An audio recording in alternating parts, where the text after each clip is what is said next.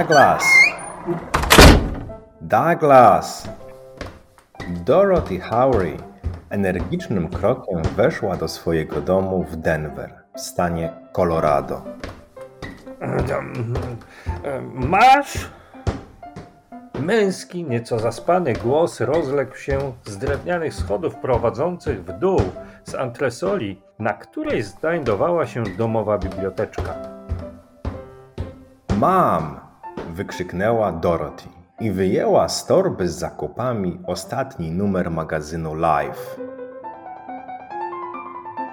Już po chwili razem stali pochyleni nad kuchennym stołem.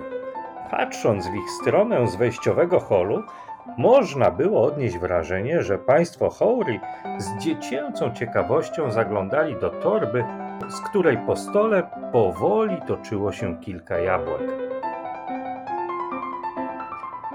Ale to nie zakupy skupiły ich całą uwagę. Wspólnie w pośpiechu kartkowali najnowsze wydanie magazynu Life. Jest! krzyknął Douglas, kiedy wreszcie dotarli do działu poświęconemu zdrowiu i medycynie. Patrzyli na zdjęcie mężczyzny do pasa zanurzonego w podłużnym metalowym zbiorniku wypełnionym wodą. Obok tej dziwacznej beczki stała elektroniczna aparatura z niewielkim ekranem w górnej części. Pod zdjęciem widniał podpis Soundwave Portrait in the Flash. A sonar-like device produces pictures of human's body soft tissue which are invisible to X-rays. O, wyszło tak jak chcieliśmy, uśmiechnął się Douglas Howry. Choć ilekroć patrzę na Geralda, siedzącego w korycie do pojenia koni, to śmiać mi się chce na myśl, że to wszystko działa. Dorothy spojrzała wprost w pogodne oczy swojego męża i zarzuciła mu ręce za szyję. Udało się wam, powiedziała z czułością. Nie, poprawił ją Douglas. Udało się nam. I z czułością objął żonę.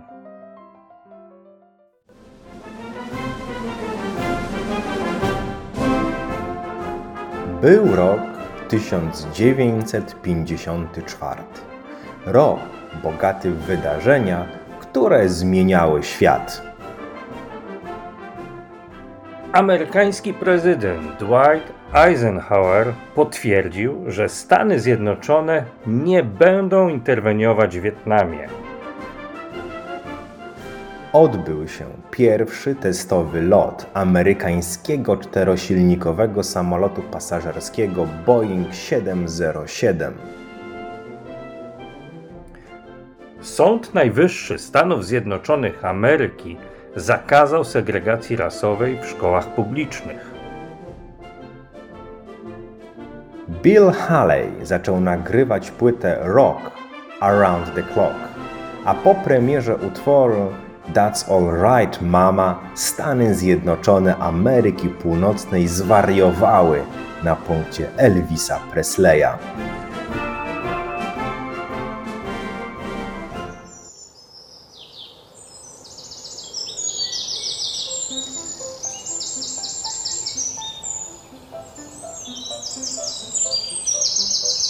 Gdy jeszcze tego samego dnia wieczorem Dorothy i Douglas wraz z Josephem Holmesem i jego żoną kończyli kolację, kosztując na tarasie w świetle zachodzącego słońca kolejny już kieliszek szery, wspólnie wspominali ostatnie, niezwykle pracowite lata.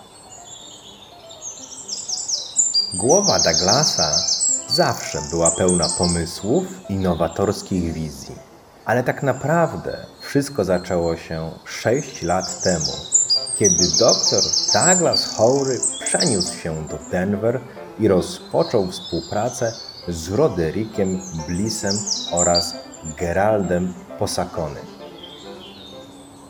Pierwszy ultradźwiękowy skaner, którego pomysłodawcą był właśnie Douglas Howry, powstawał w jego piwnicy.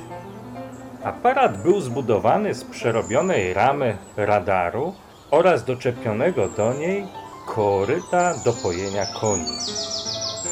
Koryto służyło za głęboką, wypełnioną wodą wannę, w której siedział pacjent. Prosty, podłużny kształt koryta ułatwił doczepienie szyn, do których przymocowana była poprzeczna rura utrzymująca ultradźwiękowy przetwornik. Przetwornik zawierał siarczan litu, działający jako piezoelektryk. Głowica z przetwornikiem dzięki szynom przyczepionym do koryta mogła być przesuwana w wodzie, skanując siedzącego w niej człowieka.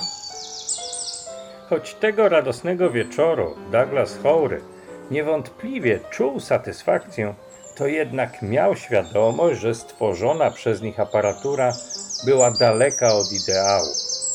Jej głównym ograniczeniem było to, że ruch głowicy do przodu i do tyłu nie zapewniał wystarczająco satysfakcjonujących obrazów ludzkiego wnętrza.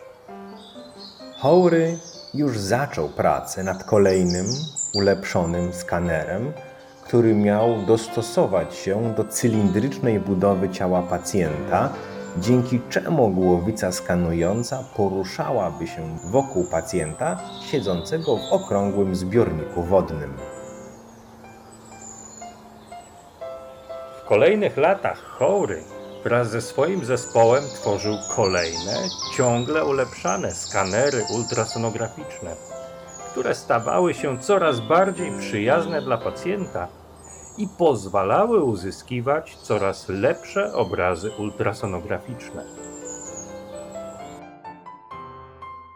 Ale to już inna historia, o której też kiedyś opowiemy.